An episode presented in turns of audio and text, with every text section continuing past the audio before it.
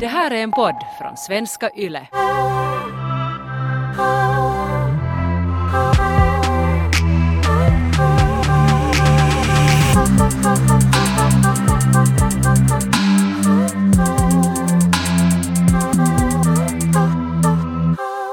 Ronja, har du någon grej du sysslar med eller någonting som hjälper dig som inte terapi, men som känns som terapi?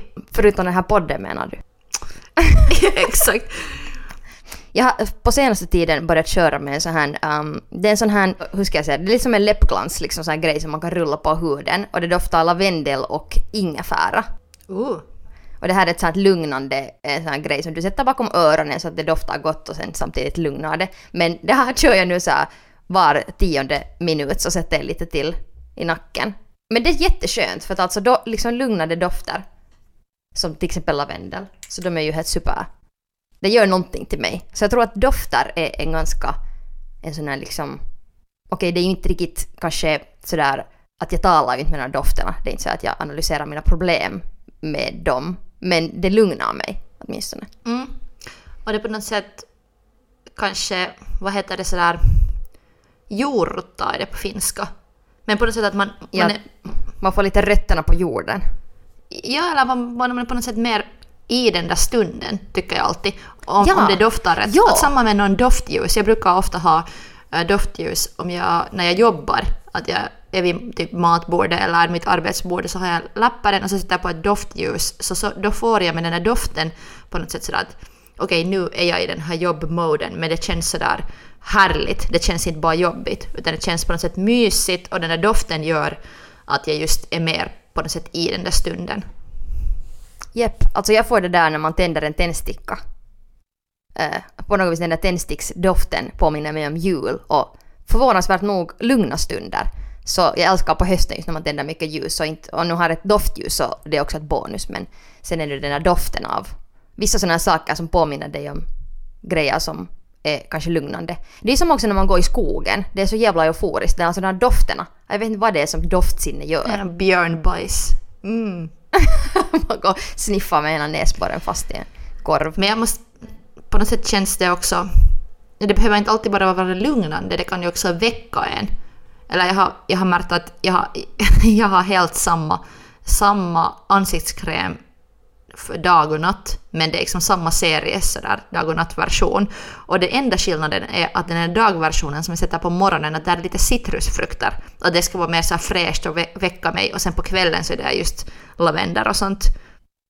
Men jag har hört om det där, att man har olika dofter för morgon och kväll och jag har velat göra det här men jag har inte bara liksom kommit igång med det. Ja, ett easy sätt är också att ha olika duschgel, duschgelsvarianter. Så att om du får i duschen på morgonen så ska du ha en citrusdoft och sen om du får på kvällen ska du ha någon mer så lugnande doft.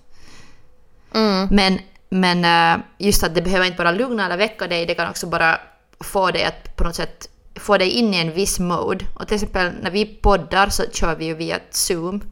Och eh, jag sätter alltid parfym, Ronja, för din skull. Är det sant? Ja, fast idag så att jag ganska äcklig parfym. Jag har så stor pål och så är det lite svårt att andas här. Jag bara. Att det, har, det var någon sån här testa jag fått någonstans ifrån. Jag tänkte bara testa liksom. Men Var det någon så här varm vanilj med lite persiko? ja, ja, ja, ja. Hur, hur gissar du? Doftar det ända dit? Men okej, doftar jätteterapeutiskt fast det inte är terapi. Mm. Jag läste, eh, hur sägs hennes namn? Joan Didion? Joan, Joan Didion? Titta inte på mig. Jag läs, läste hennes eh, bok Ett år av magiskt tänkande som, som, handlar om att, som handlar om hennes sorgeprocess. Hennes man dör och sen försöker hon fatta vad som har hänt så hon skriver den här boken. Och hon säger i bokens början att, att hon var i så stor chock och kunde inte alls dela med sina känslor så hon gjorde som hon alltid har gjort i sitt liv. Alltså hon får till Bibban för att söka kunskap. Att hon alltid varit en skrivande person, en författare, en journalist. Så det var liksom hennes sätt att, att hantera sen, vad var det, alltså vilken som helst kris i hennes liv. Att om det är någonting hon inte förstod så får hon till Bibban. Och det där var någonting som var för mig ganska viktigt.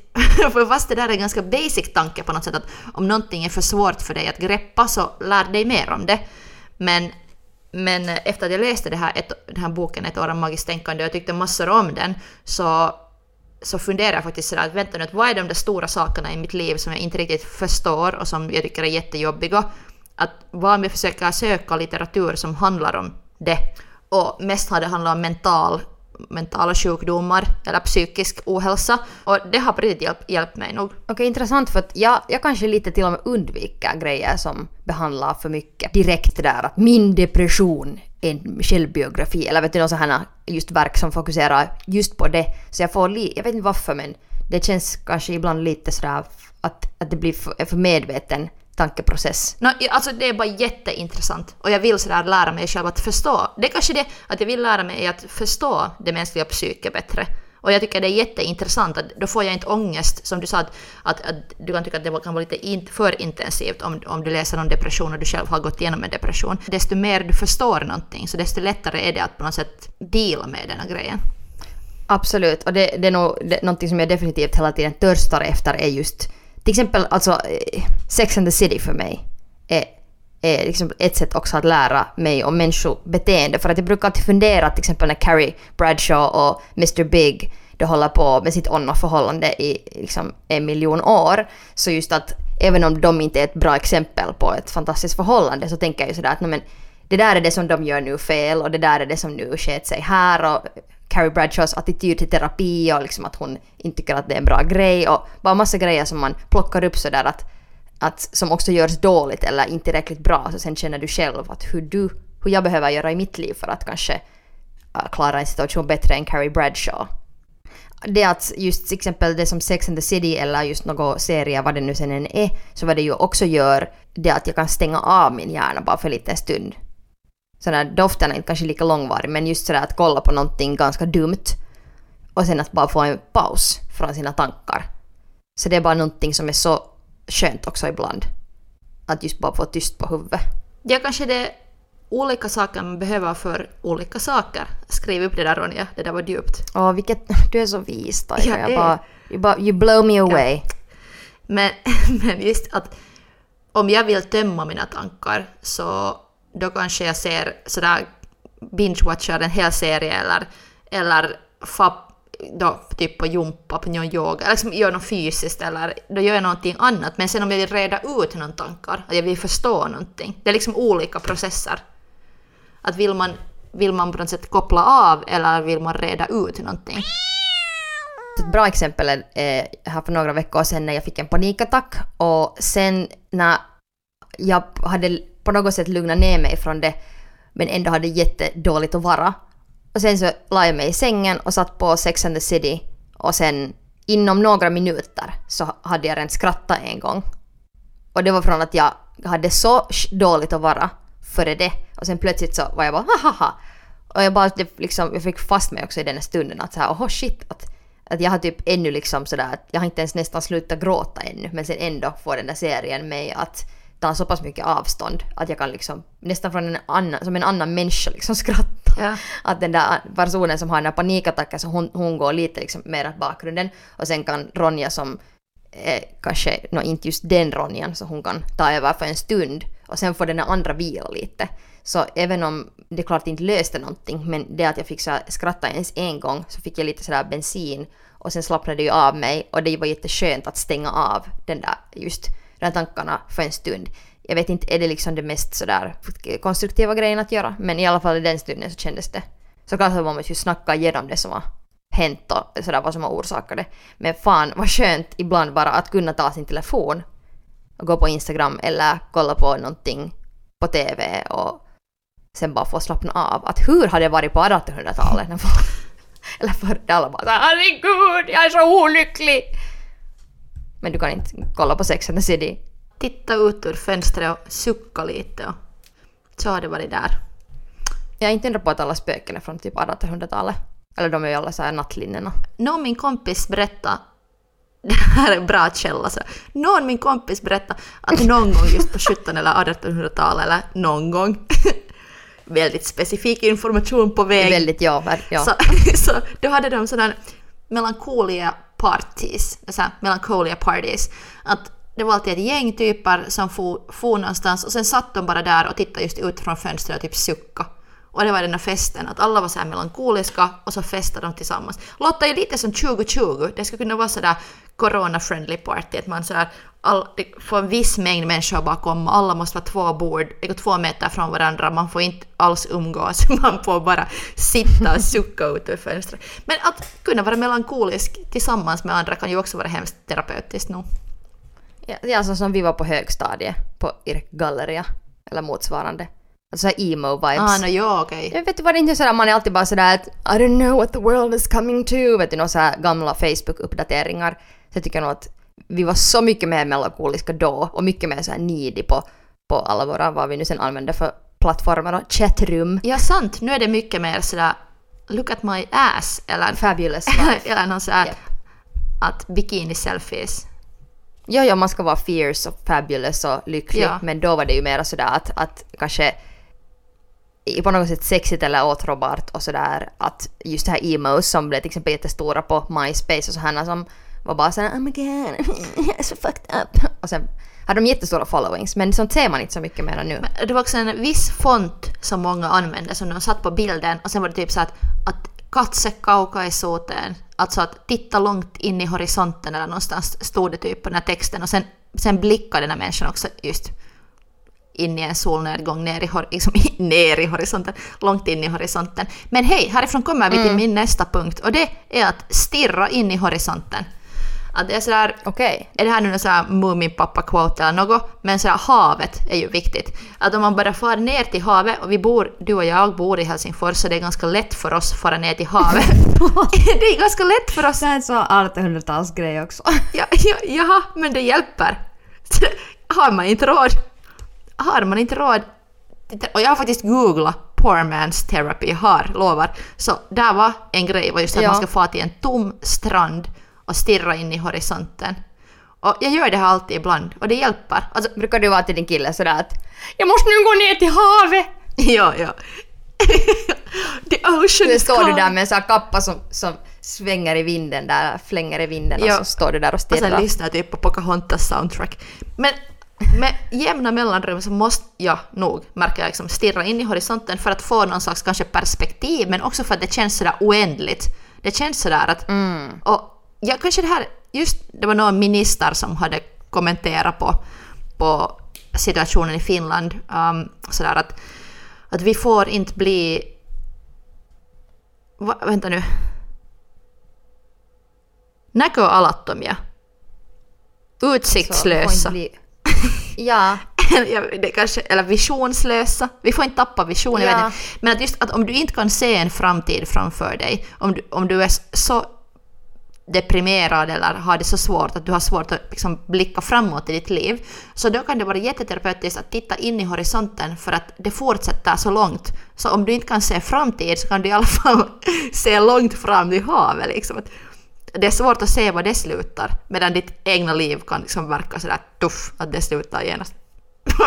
ja jag alltså, kanske borde, jag känner som jag borde hålla käften nu. Det här blir så jag, jag förlorar min wannabe psykologlicens genast när någon lyssnar på det här.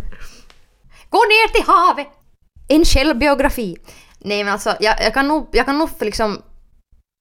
Eller det, är också, det här är också liksom the power of nature. Så jag vet inte sådär om jag...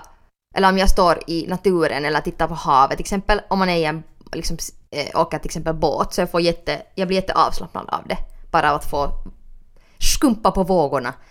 Men samma att gå i skogen just som jag nämnde tidigare. Så det är någonting, så jag tror att det, jag tror att det för mig åtminstone mera det att, att jag är liksom borta från all yrsel, borta från myrstacken och sen det att på något vis få, få den där lugnande effekten som naturen har på oss. Så det är nog, nu, nu blir vi liksom så flimsiga här men det är på riktigt sant att det, har, det är så fucking lugnande att någon som, alltså det att jag eh, som jag har nu sagt en triljon gånger i den här podden, men när jag fick min hund och jag började gå ut med henne så min depression blev så mycket bättre av det.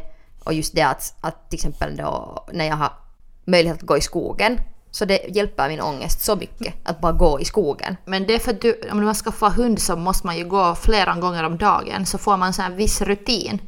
Du måste alltid gå på morgonen, du måste alltid liksom... Så den här rutinen gör också att du mår bättre och sen att du måste gå Så du får Ja, frisk luft och och utan att det är exercise. någon prestation heller. Japp. Du fokuserar Ja. på den här hunden. Men, men det är ändå alltså tusen gånger mera njutbart och sådär märkbart euforiskt att gå i skogen. Jag, menar, jag, är den, jag ser mig själv som en jättestor latmask och för någon orsak så han min, fick min kille mig lurad upp till Lappland där vi träckade i några så här tre timmar. Jag har aldrig gjort något sånt, det är säkert inte ens mycket för vissa människor men jag var bara såhär oh my god, det ska gå att träcka i tre timmar, så sjukt! Och sen var det så här, det var det lättaste typ någonsin för att man fick hela tiden mera energi desto mer jag gick och bara var där i skogen och med mina egna tankar och inte hela tiden höll på och heller snacka kanske så mycket hela tiden fast vi också snackade jättemycket. Men det var jätte jätte avslappnande och jag fick energi av Jag blir det. nästan provocerad för att vem är du och vad har du gjort med min Ronja? Jag fick gå till havet! Men på riktigt för att äh, jag tycker om stränder och havet för att ähm, det är ändå sådär, man kan bara sitta där och ha en melankolia party för sig själv. Men det känns, jag tycker inte alls om att gå i skogen. Jag kan gå kanske en, två gånger per år om jag måste och sen är jag så okej, jag har gjort det nu, tack. Men jag tycker att det är bara, jag får klaustrofobi. Det är för mycket träd, det är för mycket skog, jag vill bara ut ur skogen, det är inte alls för mig. Och det, det är just kanske i skog, skogen så ser jag inte den där framtiden som jag ser vid havet. Liksom. Plus, plus någonting som jag älskar är sådär end of the season estetik. Fan, det är terapeutiskt. Vet du, så här att um, någonting håller på att stänga, det är sista veckan av någon semesterperiod på någon hotellstrand och där typ finns ingen utom du. Det är perfekt för mig. Det är sådär, i, det, i det ska jag vilja leva för alltid. För det känns lite som, som att uh, Det är lite såhär postapokalyptiskt. Ja, verkligen. Det känns just att, att, att uh, någonting har hänt och alla andra människor har en försvunnit och att någonting är fel och värld- världen håller kanske på att sluta eller så har den gått under en och jag är den enda kvar och jag får bara sitta där på min strand. Älskar det. Imo-taika. Hej, eh, jag måste säga en grej som jag kom på att du sa för en stund sedan att du ser hellre på filmer eller TV än läser böcker för att du vill på något sätt koppla av din hjärna. Och du, du sa att det, skönt, det var skönt att gå i skogen med din kille tre timmar för ni kanske inte talar heller så mycket, att det var mer sådär på något sätt kanske meditativt att gå omkring där, du fick mer energi. Så just det där att tala massor kan ju vara så intensivt. Och samma om man läser så kommer det just liksom, det är lite som att tala med sig själv när du läser för du, liksom, du får de här tankarna och de här orden hela tiden. Och det kan vara så för intensivt och utmattande. Och vi hade just, jag var med min kompis, hon hade fått en hotellnatt eh, gratis så vi var med henne på veckoslutet på ett jättefint hotellrum. Och det blev värsta trippen för vi har inte hängt sådär intensivt på länge så vi bara tala, tala, tala, tala Mm. och tala om massa ytliga grejer, tala om killar, tala om jobb, tala om familj. Och när jag kom hem så måste jag sova. Jag måste, jepp, jag måste sova två dagar. Jag kunde inte göra någonting utan att kolla på serier. För att fast vi hade haft jätteroligt så det, det, hade, det där liksom, talande hade tagit ut allt ur mig. Och ur henne också, för jag, vi chattade sen lite och hon var sådär “Gud, jag har inte gjort något annat nu än titta på TV-serier. Kan man ha hotelljetlag?” Och jag sa “Ja, man kan”. Men det, alltså, det är ju nog jättedraining att tala för mycket och därför just här vissa, eller, eller jag tycker det är jätteroligt att sitta och filosofera med kompisar och sådär tala om sina grejer och sina liv. Men jag hade till exempel en, en, en gammal skolkompis till mig som satt ett meddelande plötsligt som jag inte har sett på sen uh, gymnasiet. Så att meddelande till mig sådär att hej, att, att hur går det med dig? Att, hej, borde vi ta en kaffe någon dag? Och jag, min första reaktion var bara så här: fuck no! Att liksom, jag, det var... Jag visste inte riktigt vad jag skulle göra men sen bestämde jag mig för att bara vara ärlig. Och sen sa jag att sorry men jag har liksom sån pass så här social ångest och jag har inte sett dig på 3000 år och jag har liksom så att jag vet ingenting om dig. Att jag kan inte, jag, jag klarar inte av att träffa någon och catcha upp på så här många år. Att det går inte. Utan att ha någon kontakt på social media. För många människor så se- följer man till exempel med vad de gör. Du har sett på social media. Människor är up to date med varandra. Fast de inte har sett varandra på flera år. Men jag har ingen aning vad den här människan har gjort. Så jag var bara, jag tänkte, jag, jag vill inte sätta en kväll på att sitta och gå igenom min livshistoria med en person. Sorry, Nej. men jag, tänkte, jag orkar inte. När, du orkar, jag skulle inte heller orka. Och vad ska man egentligen få av det? Kanske ingenting. Ja, vad får jag? Men jag hade ju en likadan upplevelse här för typ ett halvt år sedan eller någonting. Att min barndomsvän satt på Instagram till mig så hej att är det, jag läste en grej om dig i tidningen undrar att är det verkligen du, att minns du mig? Och sen förklarar hon om vår barndom och sen svarade jag till henne så här, oj vits att ja det är jag, vad roligt att du kände igen mig. För det kändes så sådär cool att hon hade känt igen mig och vi har, vi har liksom inte sett varandra på no, 25 år eller någonting.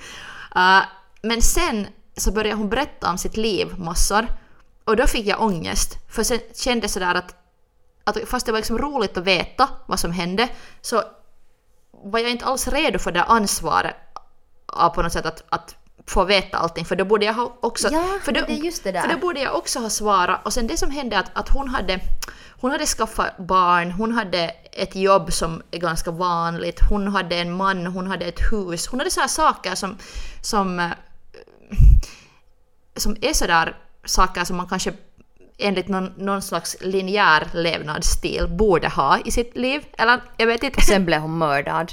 Nej, hon blev inte mördad, men sen, sen frågade hon mig att vad gör du? Och jag fick sån ångest, för jag vill för jag ville inte, jag kände sådär att men hon hade läst om mig i tidningen. Jag, jag hade lust att svara så, vilken asshole, men jag hade lust att svara så här, du har ju läst redan vad jag gör.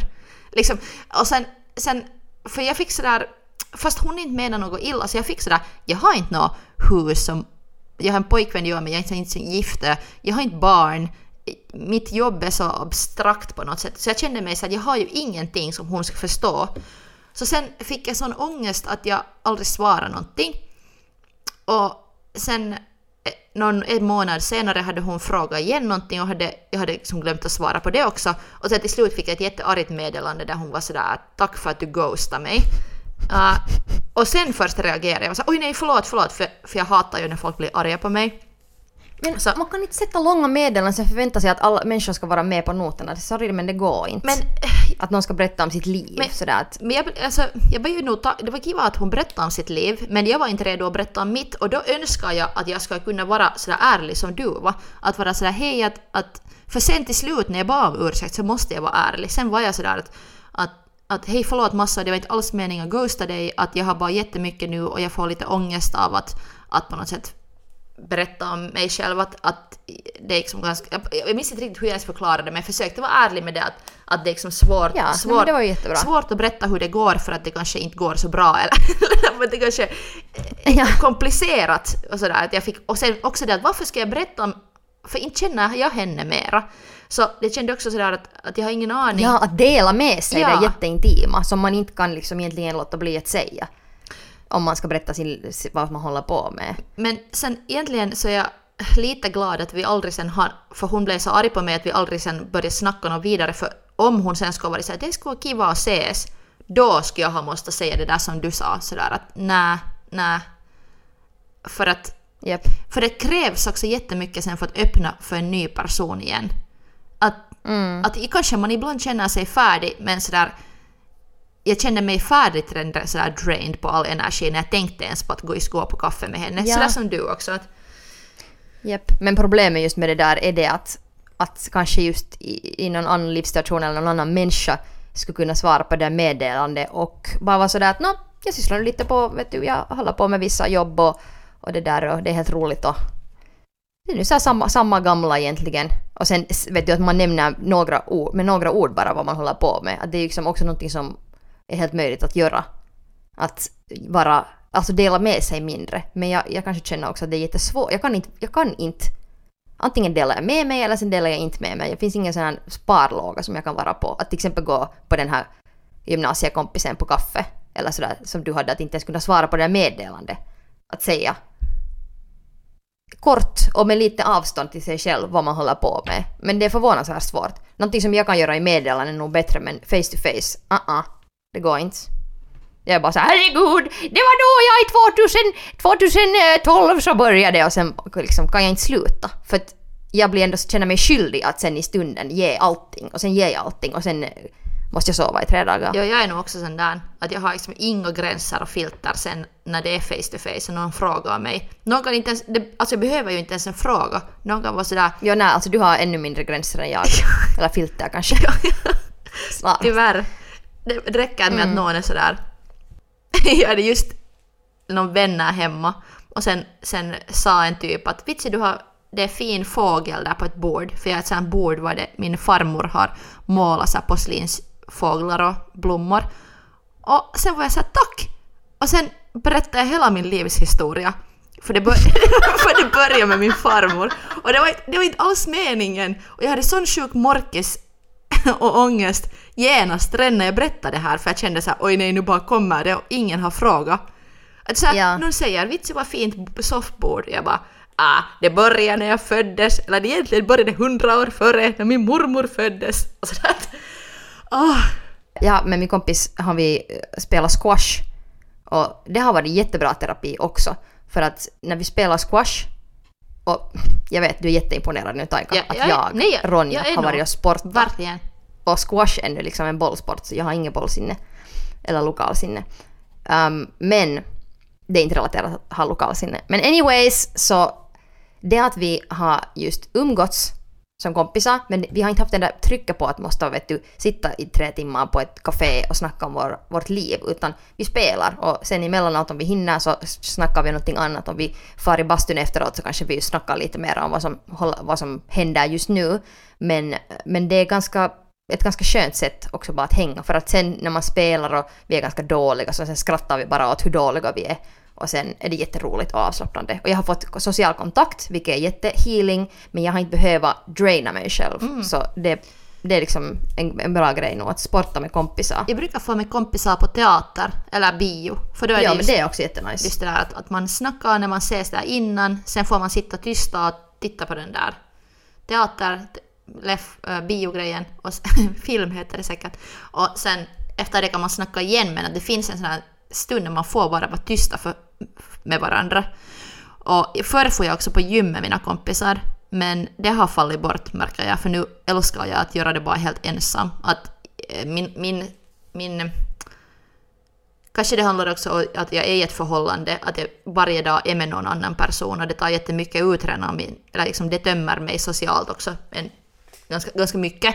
Men att förr brukade jag alltid få med kompisar att vi sågs på gymmet, sen får vi tillsammans på någon timmar och sådär. Men nu, nu orkar jag inte alls. Alltså nu, jag blir, nu för tiden blir jag typ arg om någon talar ens på gymmet. Jag är såhär, kan ni vara tyst att jag är här för att koncentrera mig och slappna av. Att om det är någon sån här människa som skojar på yogatimmen eller, eller talar med varandra eller tar plats så jag tittar alltid som en sån sur mummo på dem sådär. Skärpning! Alltså, det var så, jag var förra veckan och kollade på en utställning med min fiancé och sen var där just någon sån här finlandssvensk familj som var såhär Vet du det var nog herregud, det var nog så roligt vet du förra veckan och vi höll nu på så saker och de höll på att pladdra där någonting, någonting som inte hade någonting att göra med den här utställningen och det var så otroligt irriterande. Jag blev så irriterad, jag försökte läsa den här texten som du beskriver då ett verk så där man får den här bakgrundsinformationen och det var så störande. Jag var så nära att säga till dem att snälla håll käften att vi är på en utställning. Att pladdra om liksom, så att människor kan inte koncentrera sig. No, jag var på bar och jag vet ju nog att folk får tala på bar och sådär.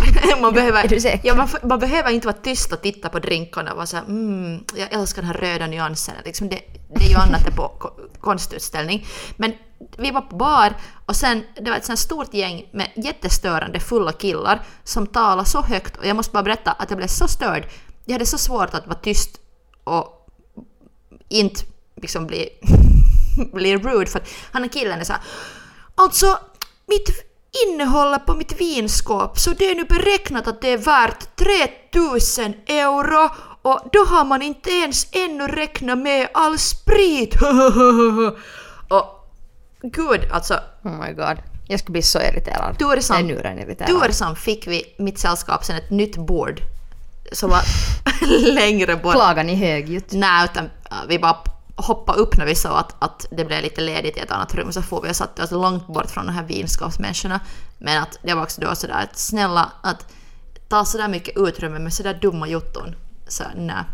Men tillbaks... Men det har jag också, jag har också varit en, får jag bara säga här för ja. du går till nästa grej för att jag har också varit en gång den där typen som tar för mycket utrymme. Jag var i spårvagnen med min syster och vi höll på att snacka, säkert jättehögljutt för min, min jag talar också ganska högt men, men i min familj om vi snackar sinsemellan så har vi en tendens att lyfta volymen ännu mer för att alla vill alltid ha muntur och sen tala på varandra. Sen blir det högre och högre och högre volym. Så vi satt i spårvagnen och pladdrade någonting och sen eh, kvinnan, en finskspråkig kvinna bakom oss så först sa hon till oss att vi ska vara tysta och hon var jättearg. Hon var så här jätte, jättearg.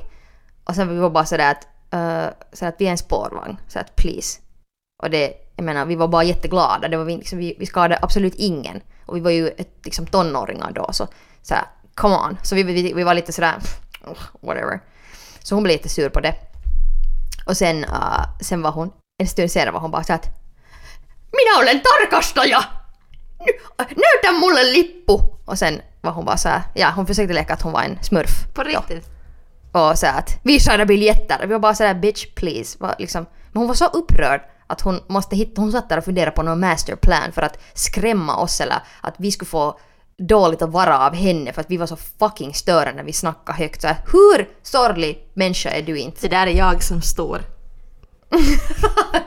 Men Kanske det var du? det var jag.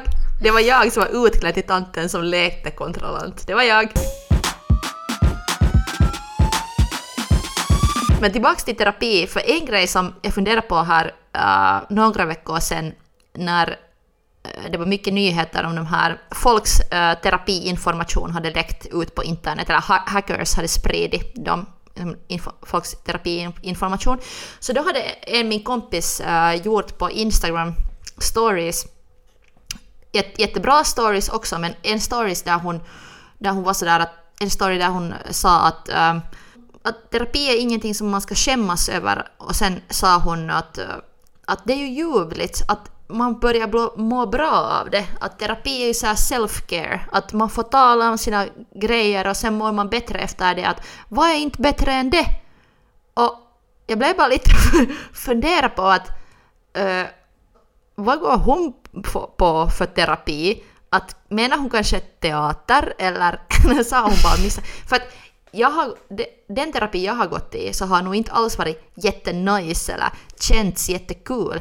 Liksom, skillnaden mellan vad som känns terapeutiskt och vad som är terapi är, är ändå ganska stor. Eller terapi uh, handlar för många om jättejobbiga grejer och det kan ju handla för många också om så här liv eller död grejer. Ja, man kommer från terapi genast till någon nästa grej och är helt rödgråten. Så man kanske inte liksom har program efter terapi än, så det är inte sådär instant sådär herregud, jag har gått i terapi. Utan det kan vara ganska tungt efteråt. Min personliga upplevelse av terapi är nog det att det är jättejobbigt för det är så stora jutton man just måste tala om. Och just det att om man blir ibland drained eller trött efter att ha talat en massa med sin, sina kompisar eller, eller sin partner eller någonting. Så terapi, terapi är just det för mig. Att man måste tala så intensivt om så jobbiga saker att jag är jättetrött efter det och det känns nog jag skulle säga att det aldrig har känts jättenice efter att jag har varit i terapi. Men, men långsiktigt så löser det saker. Ja, och långsiktigt så är det ju liksom det förändrade, har terapi till exempel förändrat hela mitt liv. Det har inte varit lätt, det har inte varit kul, men det har förändrat hela mitt liv. Men när jag säger att, att vad som känns terapeutiskt och nämner böcker och filmer, så då handlar det mer om det som får mig att känna mig så snabbare bättre. Att, att känslan mellan vad som känns terapeutiskt och vad som är terapi är för mig jättestor. Men det är lite så här skillnaden att gå till läkaren för någonting och sen att, eller för till exempel då No, ett, ett, en läkar, ett läkarbesök är ju inte sådär hemskt njutbart men sen att till exempel gå på en massage så är det mera menat för att just bara mera njutning, mera sådär nöje och mera sköna känslor. Medan de där andra är mera sådär att nu måste vi konfrontera de här grejerna som orsakar det här problemet. En meme som jag sparade av Reductress-kontot var jättebra. var Så att “This lady is trying out everything and calling it self-help just to see what sticks”. Och det är ju lite det som du och jag har listat upp här. Och det är egentligen livet. Att man testar lite på allt möjligt och sen kollar att vad får, vad får en att känna sig bra eller vad hjälper en och sen försöker man hålla fast vid de grejerna. Några grejer som, som många kan tycka att är terapeutiska men som jag inte ännu fattar är trädgårdsodling till exempel och sen städning och matlagning. Och jag vet att, att du, du tycker ju att städning kan vara terapeutiskt. Ja. Lyssna på någon poddar, andra tänker istället mm -hmm. för dig och så gör du något fysiskt samtidigt. Och jag sådär, ska, borde kanske göra, göra lite mer av... jag borde städa lite mer. Jag borde cook, jag borde clean. Men det, liksom, jag förstår att det är saker som jag kanske måste öva lite på, men trädgårdsodling, det tycker jag liksom, det är nog långt ifrån. Det är lite som att gå i skogen ännu för mig. Skulle Jag kan inte se dig i en trädgård. inte. Nej. Fan. Jag, jag kan se dig i min trädgård drickandes? GT'n. Ja, ja. Och, och jag, jag kan göra trädgårdsarbete. För jag ser nog fram emot att ha en egen trädgård, 100%. ja. Jag vet inte om jag kommer att sköta den så bra men jag tycker i alla fall om tanken av att ha en trädgård och just göra någonting och känna att jag behövs i mitt hem. För just här hemma så just städning, ja, det gör jag jättegärna men sen att det finns just andra saker. Det är det som också min hund ger till mig, att det är mening, att jag tar hand om henne och hon ger mig liksom en, en purpose in life. Och det, fast jag säger det med så här dum röst så det är på, på riktigt sant. För det ger mig en, en, en mening som är inte bara för mig själv. För att jag kanske inte ser mig själv så värdefull på ett sätt som min hund. Eller så att hon har kommit från Rumänien, från gatan och jag måste ta hand om henne. Så på samma sätt måste jag typ ta hand om mina perenner och mina, mina äppelträd. Försöka komma på något växtnamn Va- här. vad är Eh, Löjtnants hjärta. Ursäkta, vad är en perenn? Är det det som man stänger vid fönstret? Fönsterperenn? jag skämtar. Men vad är en perenn? Persien? En perenn är en buske, Okej, men tror jag. jag ser fram emot att du ska... Min mamma har alltid perenner, så därför Ah, det okej. är det med. Men jag, jag ser fram emot att du skaffar en terapeutisk trädgård och så får jag komma och dricka terapeutiska GT'n i det. Bra, deal. Tack för oss. Tack. Tack, för, tack till dig Taika. Tack Ronja. Oh, kom ihåg att Go fuck yourself.